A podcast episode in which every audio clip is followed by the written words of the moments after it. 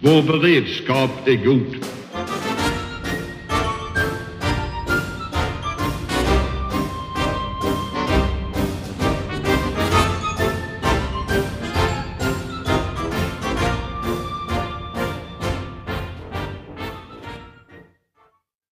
Hej och välkomna till Höjd beredskap, en podd från Aftonbladet Ledare. Och idag så ska vi diskutera civilt försvar. Och med oss har vi Barbro Holmberg. Välkommen! Tackar! Barbro, du är ju utredare eller har utrett det civila försvaret eh, och eh, du är tidigare migrationsminister, tidigare landshövding och har ju gått igenom eh, den nuvarande strukturen som finns. Och vi befinner oss mitt i en pandemi som det är nu. Eh, idag är det den 12 mars och igår, den 11 mars 20, för ett år sedan, 2020, så kom det första dödsfallet i Sverige i covid-19. Så här liksom ett år senare, eh, vad, vad har vi lärt oss om, om vårt civila försvar och liksom det läget som, som Sverige, Sverige är i? Ja, det första som jag tycker att vi har lärt oss eh, det är ju att man, det behövs en planering för civilt försvar. Det behövs en planering för krisberedskap. Och det är någonting som vi inte riktigt uh, har, kan jag tycka, idag. Och vi har heller ingen riktig struktur för en sån planering. Därför att om man tänker sig att uh, vi uh, hade haft en ordentlig planering för både civilt försvar och krisberedskap för två år sedan eller tre år sedan. Då hade man, så att säga, ha, då hade man dels vetat vilka eh, myndigheter måste man samverka med, hur ser strukturen ut? Vad är det som saknas? Vem, vilka kan drabbas i olika situationer? Alltså hela den planeringen tror jag är väldigt, väldigt viktig. Nu fick man lite grann planera mitt under brinnande kris. Och jag tror att det är en av de allra viktigaste delarna i det. Och att vi måste så att säga återuppta planeringen för höjd beredskap och, och civilt försvar. Jag tänker, om jag tänker på mig själv för ett år sedan eh, så, så stod jag i eh, förlåt, så stod jag i, i, i kön på ICA liksom och handlade så här, toalettpapper och eh, fiskbullarna var slut och, och det var liksom det var någon sån yrvakenhet. Folk letade fram den här gamla broschyren om krisen mm. eller kriget kommer. Liksom. Mm. Eh, och, och, alltså, så här, nu, nu, är det, nu är vi inte så yrvakna längre, naiviteten är väl borta. Liksom. Mm. Men varför var vi så yrvakna för ett år sedan? För det var inte bara jag. Nej precis, det tror jag alla, alla kan nog känna igen sig i det du säger. Jag tror dock att väldigt många känner att vi måste, även, jag sa det här med att vi måste planera eh, på en nationell och regional nivå, men vi måste också som individer planera. Och jag tycker, ja, men om jag ser på mig själv sedan ett år tillbaka, vad jag har nu, det är att jag lagrar vatten och jag har renare av vatten. Jag, liksom, jag har en helt annan bild. Du, du har blivit en prepper kan man ja, säga. Ja, lite, inte kanske riktigt så mycket, men lite grann. Men jag har en helt annan bild av att det kan bli en kris och vad är det då jag behöver? Så att jag tror att allt det där har nog eh, eh, sjunkit ner hos väldigt, väldigt många. Mm. Jag tänker på, du, du har ju utrett det civila försvaret och mm. innan dess så har vi då försvarsberedningen som ju tittade på på något sätt på helheten. Mm. Du har ju gått in och tittat på strukturer och, och funderat över hur ska det här funka egentligen. Mm. Eh, vad är det du har kommit fram till? Vad är det du föreslår för regeringen eller för riksdagen? Ja, så det jag föreslår är ju en eh, ny struktur för statliga myndigheter. Eh, jag föreslår också kan man säga en ny struktur regionalt. Att eh, landet delas in i sex civilområden, vilket också betyder, som jag skriver, att även Försvarsmakten måste så att säga, följa en sån eh, indelning så att vi får en, en regional indelning där så att säga, både Försvarsmakten och civila eh, myndigheter, framförallt och länsstyrelserna, har samma struktur. Och då har de samma struktur som sjukvården, vilket jag också tycker är väldigt bra. Eh, eh, vi föreslår också att, eller vi förtydligar kan man väl säga MSBs roll och så föreslår vi en ny lag vad gäller kommuner och regioner. Så vi har så att säga tittat på helheten. Men precis som du sa, väldigt mycket av de här förslagen bygger på det som eh, Försvarsberedningen skisserade i sin rapport Motståndskraft som kom eh, strax före jul 2017. Mm. Jag tänker på de här områdena som du pratar om. När, när jag var, när jag själv var liten höll jag på att säga, när jag gjorde lumpen och så, då fanns det det här civilbefälhavare. Mm. Och det var en tydlig indelning som ändå följde, som det militära civila hängde i någon mening eh, ihop så att säga strukturellt. Hur, hur, hur, är det tänkt att funka konkret? Du delar upp det så norra civilområdet, mellersta civilområdet och så vidare neråt. Då. Alltså hur, hur konkret ska arbetet funka på den nivån? Ehm, ja, den regionala nivån har en väldigt stor betydelse, både när det gäller planeringen men framför allt om det skulle bränna till och vi får höjd beredskap så handlar det om koordinering. Ehm, där Försvarsmakten måste koordinera sina insatser med civila myndigheter lokalt och regionalt och att det måste också gå väldigt fort. Jag menar, det, vi kan inte sitta och samordna oss eh, när det väl bränner till, utan då måste man ha, ha en struktur, man måste ha en beslutsordning som gör att man kan fatta väldigt snabba beslut. Nej, för det är väl ja, det delvis som har hänt nu, att man har, man har liksom improviserat i ganska hög utsträckning. Ja, det kan man kanske säga att eh, så är det. Eller man, vi har inte riktigt haft den strukturen helt enkelt. Vi har inte haft men det här som föreslås nu, det är ju precis som du säger, det är en nygammal struktur. Vi hade civilbefälhavare. Vad vi föreslår är ungefär samma sak, att man delar in landet och att vi föreslår då att det är en länsstyrelse inom det området som får bli civil, eh, civilområdeschef. Eh, så att vi får en tydlig struktur i både ansvar och befogenheter. Du, du har någonting i utredningen som kallas för ansvarstrappan. Kan du beskriva vad det är? Ja, det handlar om, vi kommer att föreslå en ny eh, beredskapsförordning och eh, då tänker vi oss ansvaret vad gäller både kris och krig eh, i, som en trappa. Eh, på första trappsteget där är det alla myndigheter. Det vill säga oavsett vad det är för verksamhet man har. Man ska ha en grundläggande förmåga att kunna hantera krissituationer och att planera för höjd beredskap.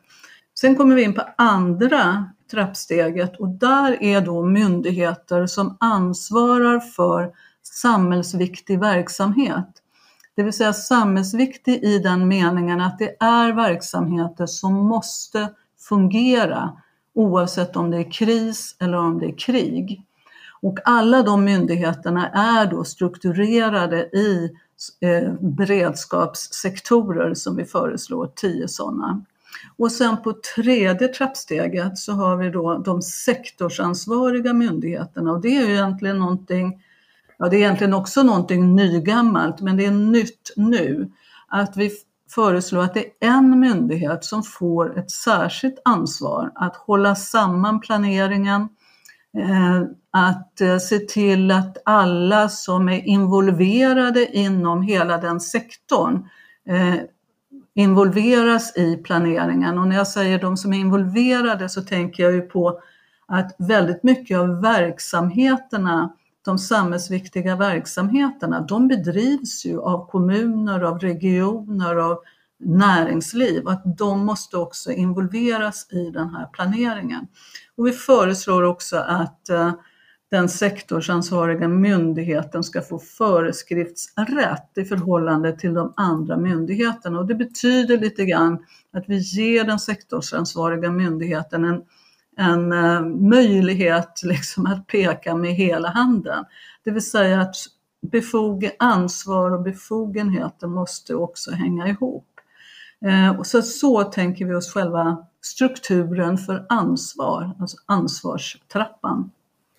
Ja, för det här är ju, det här är ju en väldigt hett omdebatterad fråga just i, i pandemins spår. Att, att, att det blir så att säga väldigt mycket stuprör. Olika personer, olika organisationer är ansvariga för olika saker och sen håller man sig till sitt stuprör men, men helheten fungerar inte. Det har ju funnits idéer kring till exempel att göra MSBs roll eh, tydligare, att MSB ska få rätt att, att styra rent operativt eh, olika andra myndigheter. Och du är ju på väg åt det hållet lite grann med föreskrivningsrätten, att, att du har rätt eh, inom sektorerna att göra det. Men hur tänker du? För du har ju så att säga civilområdesbefälhavare eh, här. Du har ju ingen civilöverbefälhavare i systemet. Alltså, hur, tänker du, hur tänker du MSBs roll i relation till, till det?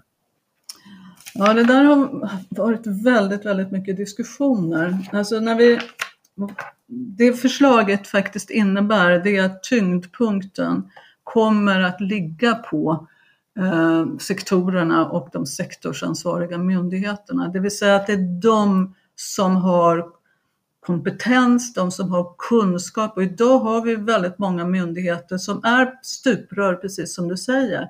Det är expertmyndigheter som har djup kunskap inom sina områden. Vad vi försöker göra nu det är att vi för samman flera myndigheter inom samma sektor. De måste arbeta tillsammans och där får vi också en myndighet som så att säga får en ledande roll. Om man, ska om man då tänker sig hela eh, för, sam, eh, vad säger, förvaltningsstrukturen som den ser ut idag med väldigt många myndigheter med djup expertkunskap. Om man då tänker sig att en myndighet, typ MSB, skulle ha möjlighet att styra över allt detta så är det ju så att MSB är ju inte riktigt riggad för det. Då måste man ha ganska mycket kunskap om alla dessa områden. Om eh, smittspridning, om energifrågor, om finansiella frågor och så vidare. Så att därför har vi lagt eh, styrningen väldigt mycket i de här sektorerna. Men in, invändningen så att säga mot det är ju att krishantering är ju också en specialkompetens. Absolut. Och det är ju, det är ju någonting som, eh, som vi har sett inte minst nu Eh, för om vi tittar på det området du har där det står räddningstjänst och skydd av civilbefolkningen mm. så är ju MSB tänkt att vara den ja. sektorsmyndigheten på det ja. området.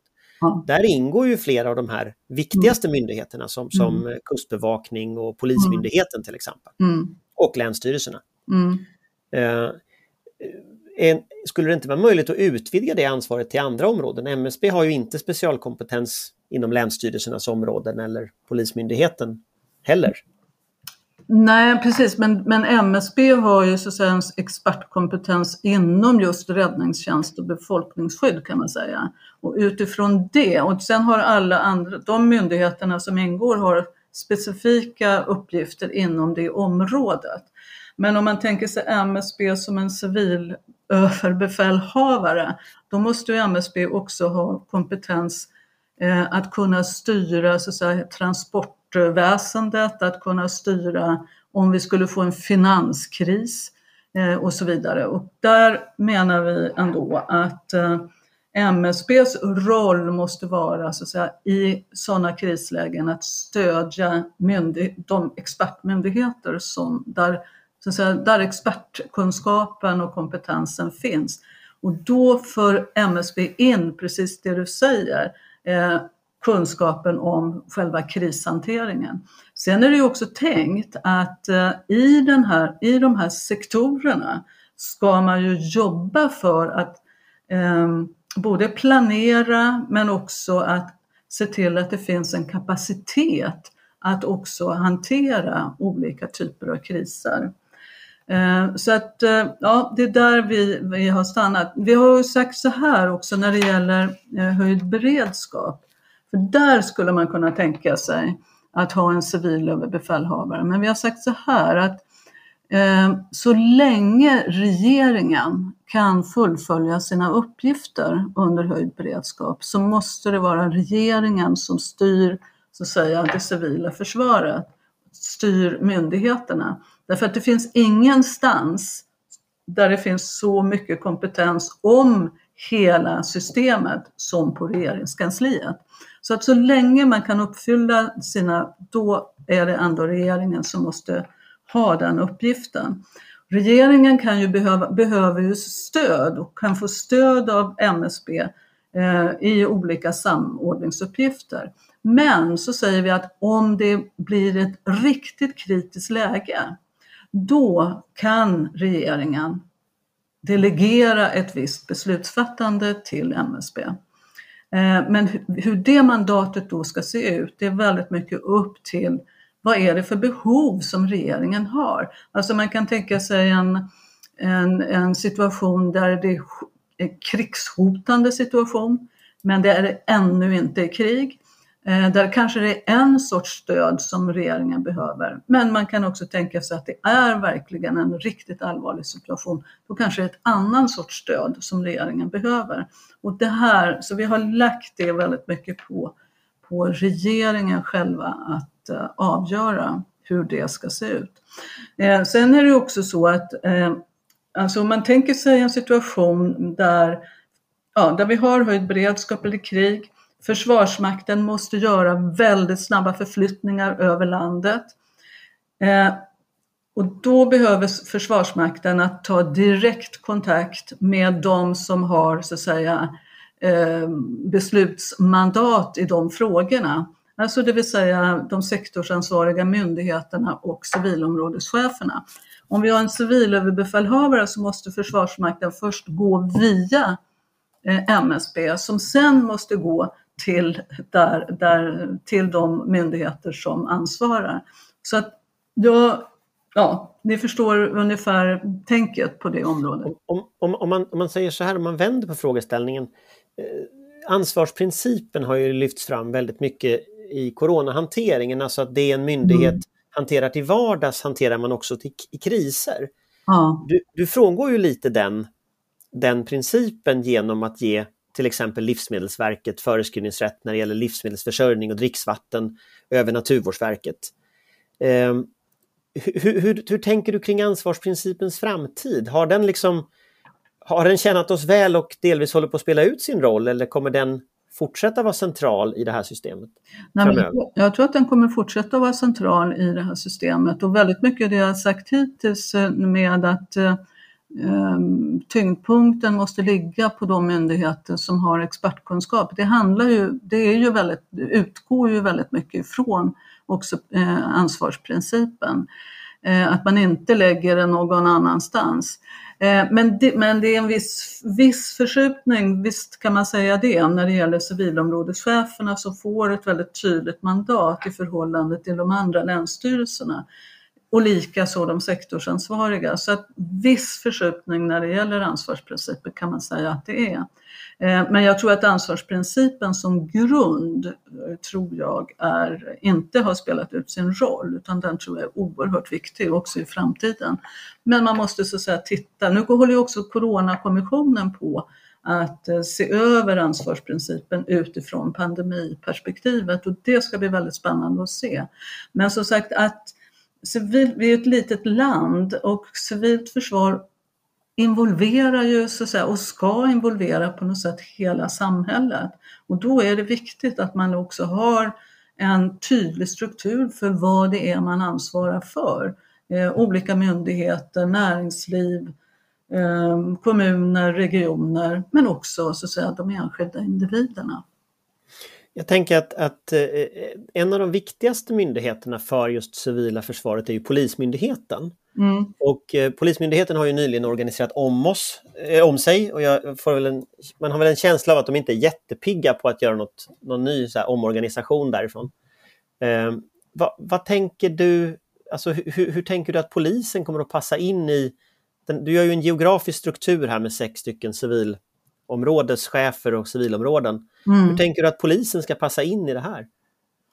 Ja, alltså för det första så är det så att det ligger ett förslag på regeringskansliet eller på regeringens bord där man håller på att bereda. Och det var min tidigare utredning som föreslog att just ett antal myndigheter skulle följa precis den här strukturen. Det håller på att beredas.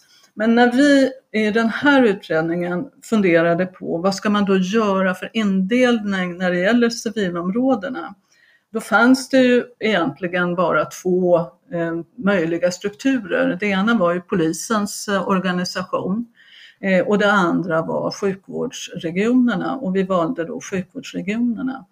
Eh, och det gjorde vi för att då får man precis den här kopplingen till kommunsektorn, till eh, eh, den högspecialiserade vården och det finns förutsättningar att planera väldigt tydligt för, ehm, för sjukvård i ett eh, försvarsperspektiv.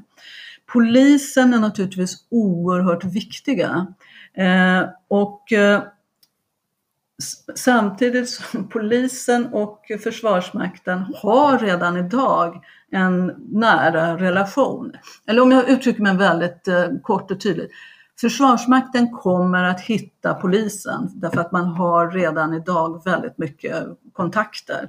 Men Försvarsmakten har svårare att hitta in i kommunsektorn och i sjukvården. Så att jag tror att den basen tror jag är, ändå är den som är det mest eh, eh, viktiga. Sen är det ju också så att eh, i och med att Försvarsmakten måste förändra sin organisation Eh, nu måste man tillföra ytterligare två eh, militärområden och regionstaber som man måste bygga upp. Eh, hade vi valt polisorganisationen så är det ytterligare tre. Och eh, redan att, att eh, jobba med att inrätta ytterligare två är ganska tufft för, för Försvarsmakten. Så att det är också det tror jag som... som eller men, men du tänker dig egentligen inte att polisen gör någon omorganisation utan de kommer fortsätta att ha en annan struktur även i fortsättningen? Jag tänker mig att på sikt tänker jag mig att väldigt många myndigheter kommer att, eh, eh kommer att eh, ansluta sig till den här organisationen. Det tror jag. Men det kommer att ta lite olika lång tid. Eh, och just nu så har väl polisen ganska mycket annat att göra än att omorganisera sig. jo, jag tror inte att efterfrågan är så stor på fler ja, omorganisationer. Men jag tror att det är otroligt viktigt för statsförvaltningen som helhet att man får en principorganisation. Det vill säga om det är en ny, ny myndighet som ska göra en regional indelning, ja men då måste man följa den här organisationen. Precis som man gjorde tidigare när det gäller civilområdena. Eh, och sen har det släppt och har alla myndigheter gjort sin allra egna, egen organisation. Men sen tror jag att det är många myndigheter som kommer att se att man måste, man måste in i den här organisationen för att det ska bli mer effektivt arbete helt enkelt. Men jag tror att det kommer att ta, ta lite tid, det tror jag. Ett annat område som nog också kan ta lite tid är ju kommuner och regioner. Mm.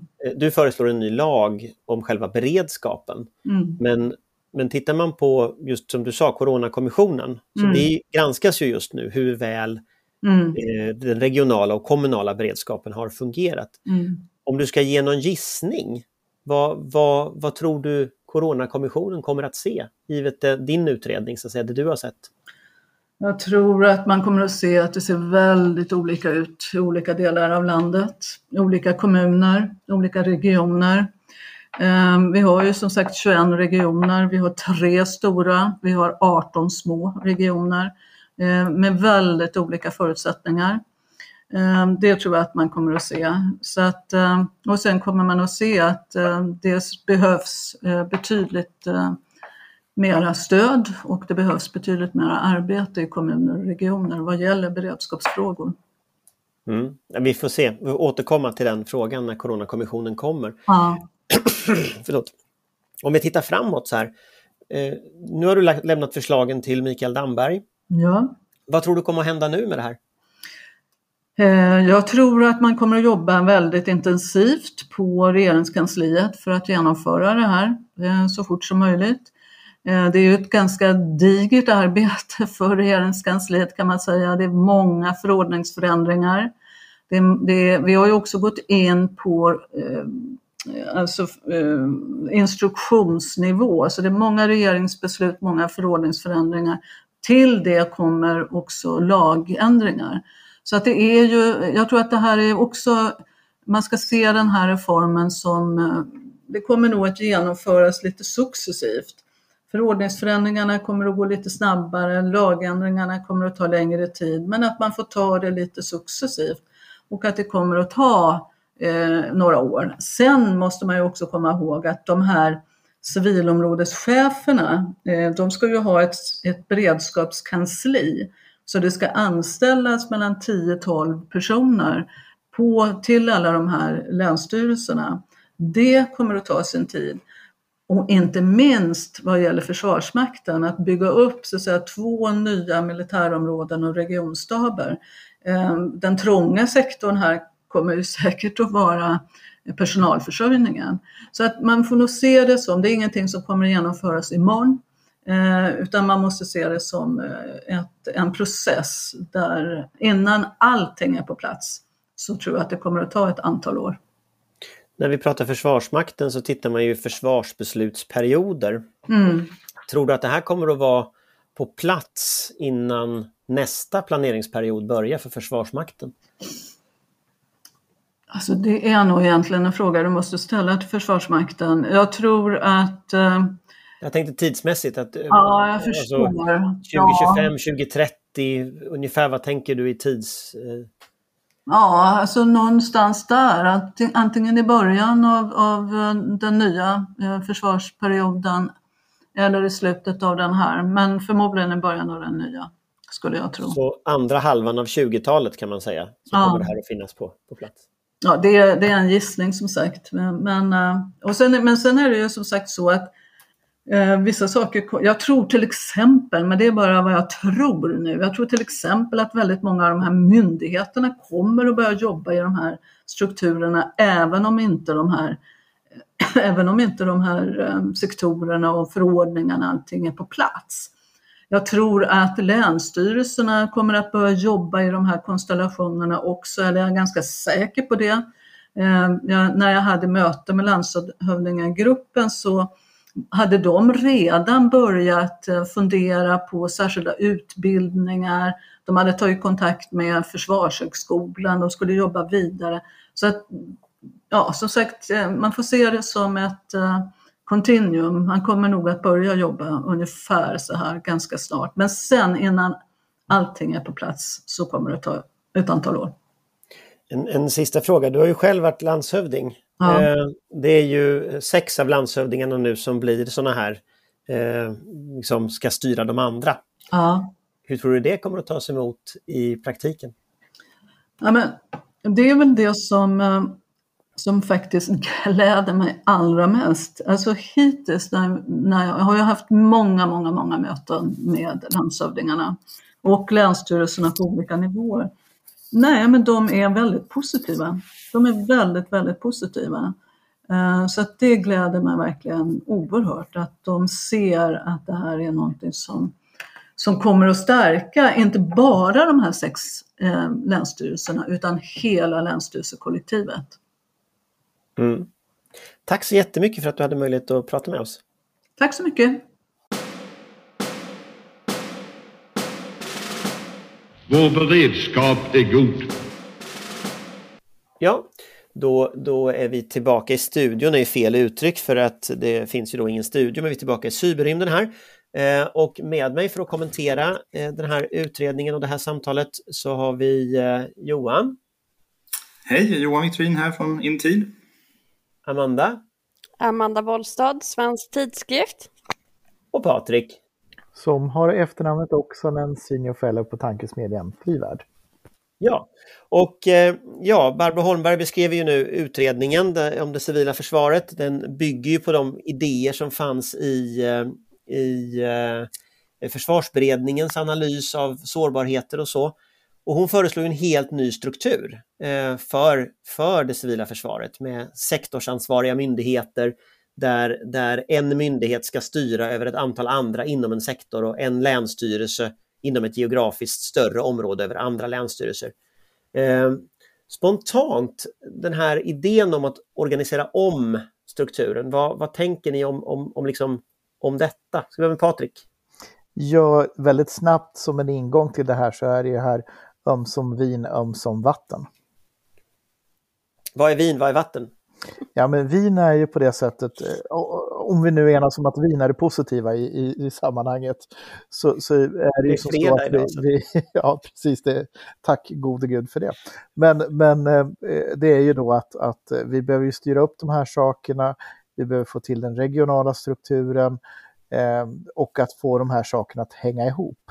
Eh, vatten i det är ju att eh, och det kommer vi väl fördjupa lite senare och, och andra ska också få komma in och säga sitt. Men, men eh, det är ju den här funktionaliteten kring de så kallade sektorsmyndigheterna och hur man tänker sig att det där ska sitta ihop. Mm. Amanda? Jag tänker, ja, men det, som Patrik säger, det finns ju mycket bra, men om man tittar på grundläggande i utredningens direktiv så betonas att utredningen inte får lämna förslag som innebär ändring av grundlag och eh, regeringen understryker att den så kallade ansvarsprincipen fortsatt ska gälla inom civilt försvar. Och redan där har man ju fredat de strukturella problemen som gör det här så svårt. Eh, med att ingen eh, egentligen får bestämma över någon annan och alla ska ansvara för sin egen verksamhet i kris. Eh, och, då redan där så omöjliggör man att peka med hela handen. Jag förstår ju varför de gör det här, för att annars blir det ju naturligtvis en väldigt stor operation av det. Men det innebär att det kommer vara fortsatt svårt. Om jag får ställa en kontrafaktisk fråga eh, så. Hon, hon, var ju inne på det här med att, eh, hon sa ju också det, just det här med grundlag, precis som du är inne på. Men hon sa ju också det att hon gick ju lite med på när jag frågade att det här ändå gick lite mot ansvarsprinciperna, liksom lite från den ändå. Alltså om du får så här kontrafaktiskt, om hon inte hade haft den begränsningen i direktiven, givet problembeskrivningen, vad tror du hon hade föreslagit då? Amanda? Ja, det är ju svårt att veta eftersom det blev en grundläggande jo. princip, men det är väl kanske någon form av eh, övergripande civil befälhavare och att man flyttar upp och samordnar eh, i kris och krig. Kanske har någon möjligen gemensam eller, eller överbeslutande krisledningsstab även civilt som har mandat att peka med hela handen och kräva att eh, underställda myndigheter och myndighetschefer gör som de blir tillsagda. Hennes invändning i det läget skulle ju vara då att det är ju regeringen som har kompetensen. Vad, vad, skulle man behöva ändra hos MSB om de skulle få den kompetensen, tänker du? Ja, det är ju rätt mycket utbildning, alltså det är ju en stor strukturell förändring, vilket väl är varför man inte vill ta i den. Eh, just nu finns ju naturligtvis inte den kompetensen, men det går ju att komplettera. Framförallt skulle man kanske kunna inreda, inrätta någon form av just kriskrigsråd, där man har en ansvarig på eh, varje myndighet eller varje sektor eller vad det nu blir som representerar och har koll på vad den myndigheten förmår och kan. Och sen lägger man beslutsrätten antingen på det här rådet eller på ledningen för det här rådet. Så mm. får man in kompetensen den vägen. Men det är, det är ju inte lätta frågor. Det är ju därför vi har den här utredningen. Och det är väl därför det inte alltid blir så bra heller. Men, men just möjligheten att ta beslut som faktiskt måste följas. Det är ju där någonstans det brister. Mm. Johan, vad tänker du? Ja, men alltså det, mycket väl sagt här. Jag tänker att eh, det är ju också man skulle kunna kalla det utredningen om ansvar, ledning och samordning inom civilt försvar, ekonomiskt försvar och psykologiskt försvar om man då jämför med hur det var förut. Det är ett ganska stort dagsverke man har tagit på sig här egentligen med, med, med att man inte separerar ut de andra utan det psykologiska försvaret ligger inom ett särskilt beredskapsområde precis som cybersäkerheten och och så vidare. Så jag, jag, tror att hon har gjort ett, eh, utredningen har gjort ett bra jobb utifrån de förutsättningar precis som Amanda pekade på. Eh, sen eh, är det väl också intressant det här med civilområdeschefer och det är ju en liten grann återgång till det gamla kan man säga, men, eh, och det ska ju påverka då Försvarsmaktens indelning av det militära försvaret. Men polisen får man ju då inte med sig av förklarliga skäl än så länge. Men där tänker jag på det, det som, om man tar just Försvarsmakten, Försvarsmakten ska ju också utöka antal regioner eller områden här. Hur mycket problem tror du det blir? Nej, det tror jag går eh, ganska så bra faktiskt. Det är klart att det blir lite friktioner, men menar, försvaret har faktiskt varierat sina, det har hetat militärdistrikt och det har varit militärregioner och det har varit eh, olika benämningar på detta och man har schackrat det fram och tillbaka. Jag tror man är ganska snabb på att göra den här typen av förändringar. Det blir inte så det, I något fall blir det ju säkert en större förändring, men annars så tror jag det går ganska... Det är inte där problemet kommer ligga, utan det kommer vara att ordna till det civila försvaret. Och där ska mm. man komma ihåg att den statens karta är ju fortsatt väldigt splittrad. Mm. Eh, och eh, jag menar, vi, vi berörde ju polisen här och, och, innan inspelningen drog igång så skämtade vi lite grann om att det finns ju ingen människa vid sina sinnens fulla bruk som törs säga att polisen nu skulle behöva göra en omorganisation för att anpassa sig till den här strukturen. Men om vi tittar på det här utifrån ett regionalt perspektiv eh, så är egentligen konsekvensen att, att statliga myndigheter som har viktiga uppgifter i ett totalförsvarsperspektiv, de borde egentligen bara ha, kunna ha två olika typer av organisationer om det här ska fungera och hålla ihop. Och det ena är då att antingen har du en nationell organisation eh, och du har ingen regionindelning, eller så måste du ha den regionindelning som, som de här civilområdena har. Eh, men, men dit kommer vi inte komma för att som sagt det finns ju ingen människa vid sina sinnens fulla bruk som på allvar törs säga till polisen att ni ska omorganisera. Men så blir det en väldigt intressant fortsättning på det här också, för det är en sak att eh, reda ut en struktur, det är en annan sak att säga ledning och samordning, för då måste man ju ha ett antal förutsättningar på plats också. Man måste ju, man, alla vi kan ju rita fyrkanter och rektanglar och dra pilar hit och dit. Men det är ju någon som ska vara utbildad på att göra detta. Så det, jag vet inte vad det kan vara, 6-7 procent i en normalkommun som eh, medarbetare i en kommun. Vi har 290 kommuner. Hur ska vi utbilda dem så att de kan ledas? Eh, och hur, vilken typ av ledningssystem ska man ha för att då göra den här samordningen? Hur ska de här olika sektorsansvariga myndigheterna, eh, beredskapsmyndigheterna etc. kommunicera på ett säkert sätt exempelvis då med länsstyrelser och sen ut till kommuner. Eh, så att det är ju en, en lång väg att gå. Det tar ju väldigt lång tid att få det här på plats med full effekt. Och då blir det ju lite toppstyrt och då blir det ju lite långsamt i själva omställningen. Alltså, en sak som jag tyckte var intressant som hon sa, som betonade på slutet, jag vet inte om ni tänkte på det, men det var ju det här med personalförs att, att det förmodligen är personalförsörjningen problemet även här att varje sån här länsstyrelse kommer att ha en 10-12 personer. Eh, de måste rekryteras, de måste finnas till att börja med, vilket väl är tveksamt som det ser ut just nu. Eh, om, om, man tittar liksom på diskussionen parallellen till Försvarsmakten så ser vi ju väldigt tydligt att precis personalförsörjningen är liksom nyckelfrågan även där. Alltså, ja, kommer det inte bli en väldig konkurrens om de personer som faktiskt kan hantera de här frågorna och liksom man tänker någon form av totalt totalförsvarsgrepp. Hur ska vi hantera liksom personalförsörjningen till allt detta? Mm. Och det är dessutom, nu pratar du om 10-12 personer på en länsstyrelse, det kanske ska vara 50 då när det är höjd beredskap. De ska också vara öronmärkta. sen kom det du sa med kommunerna. Ja, men sen var det mm. du sa med kommunerna. Nu har vi 300 kommuner, vi har 21 regioner, vi har, mm. jag kommer inte ihåg hur många myndigheter det var, 50-60-tal myndigheter hon hade med i utredningen här.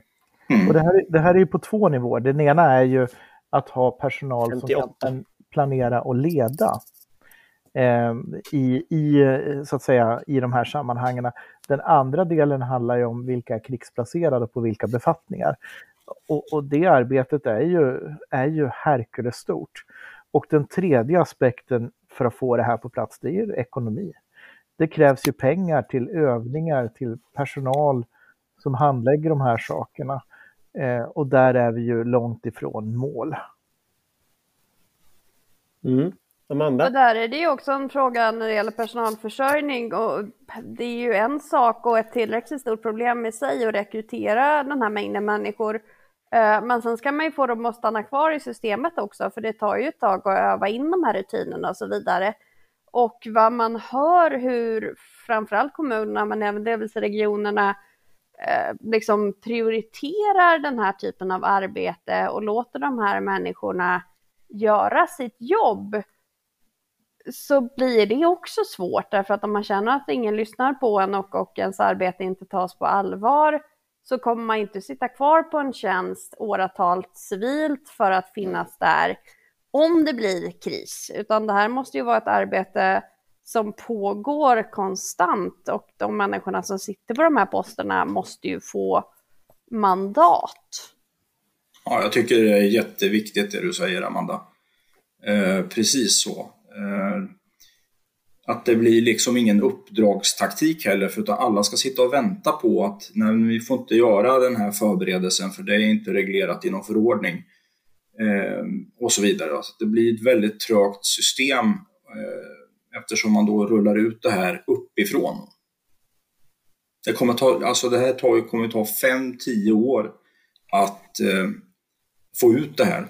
Eh, och för, ska man då göra det lite snabbare, lite effektivare med den där ansvarsglädjen som du egentligen pekar på, då måste man ju ha ett ledarskap som kan utövas i hela det här, i hela den här metasektorn, eller vad ska kalla det för. Om man tar den politiska sidan, eh, just strukturella förändringar. Eh, vi kommer väl alla ihåg Ardalan Shekarabis region, försöker om regionindelning och sådana där saker. Alltså hur stort tror ni motståndet i systemet är för att förändra den här typen av saker? Alltså det här blir, ja, ändå skulle jag vilja säga att det här blir mindre motstånd än, än Shekarabis. För att där handlade det ju om att göra om identitets... Alltså det, det landade ju där att det blev mycket identitetsfrågor. Vilket län tillhör man? Eh, ska, liksom regionen och lite om länskartan och, och, och, och så vidare. Så att du fick ju ett stort politiskt motstånd på grund av det. Och det var ju Halland som tog ledningen och sen, sen eh, i motståndsrörelsen mot det och sen så fylldes det på bland annat Jämtland. Centerpartiet kan man säga tog ledningen. Ja, jag skulle inte säga att det var, var nödvändigtvis Centerpartiet som tog ledningen där, utan den allehanda starka, starka liksom identitetsintressen. Eh, och, och, men, men det som Johan då säger stort så tror jag att det du kommer att se ett motstånd i, det är ju inom den statliga strukturen mot det här. Där man fortsätter nog att försöka bevaka sina positioner mot varandra. Eh, tyvärr så slängde ju inte regeringen ut ansvarsprincipen. Precis som Amanda konstaterade i början där så, så var ju det en förutsättning som Barbro fick förhålla sig till att den skulle ju minsann vara kvar. Eh, och, och det här för ju oss över till att jag tror att det här med sektorsmyndigheter, eh, alltså en myndighet som ska leda en, en flera andra myndigheter i sektorer eh, och samtidigt så ska de inte ha en central ledning. Alltså, det, det jag kommer tror, inte hända helt enkelt. Det kommer inte att bli bra.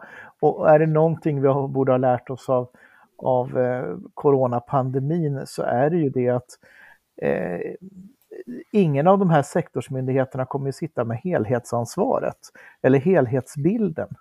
Utan de, är, har, ju, de har ju sin del. Vi behöver liksom ha en instans som kan avdöma det här och då är vi tillbaka på, på det som Amanda pratar om också med, med, med en civilbefälhavare. Vi behöver en CB eh, i slutändan och en, en struktur för att stödja det. Mm. Amanda? Nej men det är väl återigen just det här, någon måste ha det yttersta ansvaret och som sagt det har vi ju sett i pandemin och i tidigare kriser, skogsbränder och annat att om inte någon har ansvar och ingen har beslutsrätt eh, så kommer det fastna på vägen. Eh, sen finns det ju naturligtvis problem med, med liksom länder och strukturer där någon enskild pekar med hela handen också. Man måste ju ha en otroligt väl uppbyggd liksom, stödfunktion och se till att insynen finns. Där kan man i och för sig lära sig av, av det militära där just de här strukturerna finns, där någon faktiskt alltid är ansvarig. Eh, och det tror jag är det viktigaste. Så att eh, tyvärr så har de här direktiven från regeringen eh, på många sätt försvårat eh, debatten om, om hur det civila försvaret ska utformas. Därför att det blir inte vare sig hackat eller malat på något sätt. Sen noterar, får jag bara säga en sak. Sen noterar jag Johan och sen Patrik. Ja. Eh, bara notera att, eh, som en detalj att eh, Socialstyrelsen blir utpekad myndighet i sektorn hälsa, vård och omsorg. Eh, jag tänker på hur, hur vi uppfattar att det har sett ut i pandemin. Alltså I den sektorn sorterar då också Läkemedelsverket, Folkhälsomyndigheten och E-hälsomyndigheten. Men det känns ju i det här som att det är Folkhälsomyndigheten som har haft lid i pandemin så so far. Fast om jag tar det exemplet, om man tänker mm. att Socialstyrelsen hade haft en, en, en, eh, den här samordningsansvaret. Är det inte så att vi hade haft pressträffar då varje tisdag och torsdag där Socialstyrelsen hade stått? Alltså nu har vi ju pressträffar där Socialstyrelsen, Folkhälsomyndigheten, MSB står jämt. Mm. Men, och sen så glada amatörer som sticker in ibland och säger hej liksom. Uh, och regioner som kommer in och säger hej ibland. Men i princip så är det så strukturen ser ut. Om man tar den här strukturen, hälsa, vård och omsorg, är det inte så att det är Socialstyrelsen som står på scenen och sen förklarar för Folkhälsomyndigheten vad den ska göra? Så det blir ingen Anders Tegnell så att säga? Nej, så uppfattar jag det. Alltså, då skulle det, ju vara, det är ju fördelen med att ha presenterat den här utredningen och att man sätter den här strukturen. Då skulle ju alla i sektorn känna sig hemma i att det var Socialstyrelsen som ledde detta. Eh, det är en klar fördel. Utan att värdera eh, hur Folkhälsomyndigheten har skött sitt uppdrag. Jag bara noterar att det Nej men om man liksom... tänker konkret, det är, så det, skulle, mm. det är det som skulle hända liksom. Mm, ja eh. men absolut, det skulle vara Olivia där, Wintzell heter hon som skulle vara ytterst ansvarig för detta då. Under regeringen, får man inte glömma bort. Ja, för den struktur som Amanda egentligen förespråkar det är att det inte, helst, inte ens skulle vara Socialstyrelsen som skulle stå där, det skulle vara MSB som skulle stå där. Ja, det kan man ju diskutera. Det behöver ju vara någon som har övergripande... Vi pratar ju också olika situationer. Eh, pratar vi krig kanske vi behöver lyfta upp det ytterligare ett steg under en pandemi är det väl inte orimligt att det är en av sakmyndigheterna som hanterar det, men att då en av sakmyndigheterna har ansvar och beslutsrätt över övriga. Mm. Eller åtminstone inriktningsrätt, för jag vet ju inte om de skulle ha beslutsrätt, vet jag inte, jag har inte riktigt Nej, förstått det. det. För, men Föreskrivningsrätt är ju det formella. Och Just det. det. Det, är ju, äh, som jag förstår det så har man ju rätt att föreskriva för en annan myndighet vad den ska göra. Mm, det, är man, ganska, det är en ganska stark, eh, det är en ganska stark liksom, eh, men, men mm. du har ju mm. inte rätt. Men, men det är ju fortfarande den myndighetens strukturer som gäller och som handlägger ja, och, och verkställer och så vidare. Och eh, lagar kan komma i konflikt med varandra och sånt, för allt är ju inte förutsett. Då kan någon säga så här, men vi kan inte göra det här för det står inte i vår instruktion för myndigheten. Så länge det rör en fredstida krissituation förstås. Jag lovade att Patrik skulle få ordet förut, sen så glömde jag bort det. Ja, sånt händer även i den bästa. Eh, jag tänkte dels då vid det tillfället bara flika in och säga att egentligen så ska ju ingen skugga falla på Barbro Holmberg. Eh, för att skit in blir ju skit ut om man uttrycker sig så. Hon har ju varit bakbunden i att, att eh, kunna hantera det här utifrån direktiven. Är du utredare så, så har du att förhålla dig till vilka ramar regeringen sätter. Även om du kanske skulle ha önskat att du kunde hoppa över skaklarna så, så kan du ju inte det som utredare.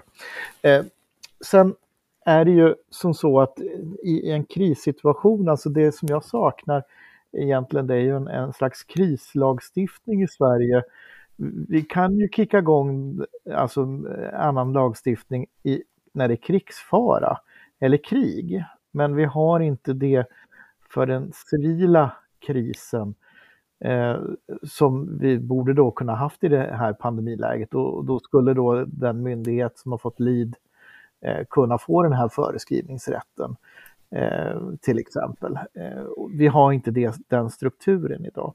Sen ett annat problem som, som Emanuel Karlsten, eh, frilansjournalist som, som bevakar pandemin, lyfte nyligen som jag också tycker är intressant att, att lyfta i det här sammanhanget och det är då hur går så att säga statens ledningsinformation ut i, i, i kapillärerna i det här systemet, ja då visar det sig att många kommuner får avsätta resurser till att sitta och bevaka regeringens presskonferenser och skriva ner vad säger regeringen att de har beslutat och sen försöka fundera på är det här någonting som berör oss? Eh, så att där finns det ju i, i, visar ju pandemin att kommunikationssystemet mellan så att säga den centrala beslutsfattandet ut i systemet inte funkar. Och det behöver ju åtgärdas. Fast det där tror jag är vanligare än man tror. Jag kommer ihåg, jag tror det var Leif Pagrotsky någon gång när han eh, som sa att eh, det mest effektiva sättet som statsråd att styra eh, sitt departement, det var att skriva en debattartikel. Eh, för då läste folk den och så gjorde folk så. Eh, så det är nog ja. ett vanligt problem tror jag, det har nog inte uppstått nu. Nej, men, men och, det, det, och, och, visst, och, och, det fanns ju de som menar på att Bildt styrde UD genom Twitter och sin blogg. Ehm, men, men, men nog inte helt osant faktiskt. Inte, nog inte heller helt osant, men problemet är ju att det här är ju inte ett bra sätt att styra i kris, utan här måste det finnas kommunikationsvägar som går ut från regeringen eh, till liksom ut i systemet med, med så här förberett, det här beslutet har fattats eller de här besluten är på väg, börja förbereda på det här och så vidare. Eh, Amanda försökte invända ja. någonting där i början. Nej, det var inte så mycket invända. Det var mer att eh, det, det, blev en, så, en liten sak naturligtvis med en så tydlig illustration. När förra måndagen så prövades ju VMA-signalen runt om i landet, förutom i Skåne, eller södra Skåne. Eh, därför att eh, till slut, eh, ja, jag frågade MSB varför på Twitter, där det ju diskuteras väldigt mycket eh, om det tutar eller inte. Eh, och de hänvisade till räddningstjänsten som skulle larma ut, så jag ringde räddningstjänsten syd och då hade de glömt. Därför att det stod på en handskriven lapp på deras anslagstavla när det var deras tur att testa och när det var SOS-alarm. Och den anslagstavlan hade ingen kollat på morgonen. Och det är på något sätt så illustrativt för det här, dels att man liksom inte tar övningen på allvar, det finns inga strukturer för att påminna, det finns ingen samordning och inte heller någon uppföljning. Det är liksom ingen som kontrollerar centralt att det här har fungerat runt om ute i landet. Utan det får man som journalist jaga rätt på själv. Och det visar på något sätt att, att det här är ju ändå en sån sak som man har gjort sedan många decennier tillbaka testat. I någon mening har man gjort sedan 30-talet när systemet infördes och just de här dagarna har man gjort i många decennier. Men det finns liksom inga strukturer för att det faktiskt ska fungera i praktiken. Uh, och det är, är det ohyggligt sån... dråpligt. Ja men faktiskt, ja det kan vara så att vi glömde, vi blev lite osäkra på om det var vår gång den här gången.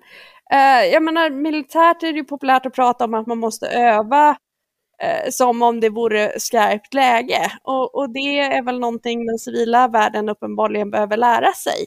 Att man kan inte bara rycka på axlarna och tycka nej, nej, ni får vänta till nästa gång. Liksom. Om vi tar en avrundande fråga nu, om vi tittar liksom framåt givet den här, eh, den här utredningen. Nu har vi liksom haft en slags stegvis diskussion. Vi ska återupprätta totalförsvaret i Sverige. Vi har försvarsberedningen som har kommit fram till liksom en analys av problemen. Här börjar vi se lösningar. Så. Vad tror ni, om man tar en runda, liksom, vad tror ni kommer hända nu med det här? Barbro Holmberg sa ju att det kunde vara ja, andra halvan av 20-talet som det här kan börja bli verklighet. Liksom. Vad, vad, vad ser vi framför oss? Ska vi börja med kost, Johan? Vad, vad kostar det? Det ser jag framför mig förstås. Uh, förstås. Men uh, nej, men uh, nu ska det här ut på remissvarv va? sen ska väl remissen eh, besvaras i somras här. Eh, och jag tror att eh, det är nog bortåt 2030 som det här är, verklighet. Det kommer vara tröghet, det kommer vara kantat av bortglömda larmsignaler och liknande saker. Och, det är personalförsörjningen som kommer vara den springande punkten. Både liksom att rekrytera men också att utbilda människor att lösa olika funktioner i den här apparaten som det är frågan om. Eh, det tror jag blir en riktigt stor utmaning. Mm. Patrik? Jag gör ett tillägg bara innan ja. Patrik svarar. Just för att knyta an till någonting som Patrik sa innan. Jag har varit inne på det förut, det här med att regeringen inte har haft någon framförhållning, att man liksom står och, och uh, går ut på presskonferenser och reglerar grejer som ska hända nästa vecka och sånt. Det är inte riktigt en sak för regeringen och det är det här att kunna leda med förberedande order, för det är också någonting som det militära försvaret är väldigt bra på. Alltså förbered nu det här för att om två veckor kommer vi göra det här som det ser ut just nu. Och så börjar man jobba på i den andan på det sättet. Sen kanske det inte blir exakt så som man hade förgestaltat, men det blir 60, 70, 80 procent av det och då är man åtminstone förberedd eftersom det är inte planen som är det viktigaste utan det är planeringen och i det perspektivet så är det här väldigt bra att man har liksom tröskat igenom den här typen av eh, problemställning. Slut. Mm. Patrik? En plan är intet, planering är allt som det heter i, i strategihistorien. Eh, jag har för mig att Mikael Damberg har sagt att han förväntar sig att betydande delar av det här ska kunna fattas beslut om eh, under den här försvarsperioden eh, som sträcker sig fram till 2025. Sen är det ju en annan sak att, att säga när kommer det här att fungera? Och vi har ju varit inne på det att vi är tveksamma till om det här någonsin kommer att fungera eh, utifrån från sektorsmyndigheterna. Eh, jag tror att den stora frågan, eh, precis som Johan, kommer att bli hur snabbt kommer det här att gå eh, och det kommer att bero på vilken prioritering ger regeringen och finansen det här att föra det här framåt. Risken är ju att någon gång sådär framåt valet 2022 när pandemin börjar falla i glömska eh, och eh, det har liksom inte hänt så mycket mer i omvärlden än vad vi har sett nu, eh, då är det ju lätt att det här kommer längre och längre ner på, på, på allas prioriteringslistor och, och att det blir en utdragen historia. Eh, det är vad jag fruktar i alla fall. Mm, Amanda?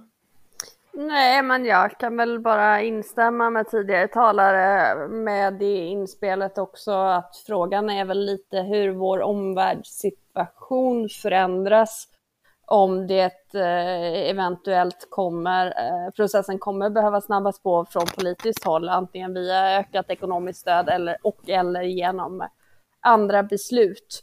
Så att eh, det skulle inte förvåna mig ärligt talat om vi har nya direktiv innan det här kommer vara implementerat.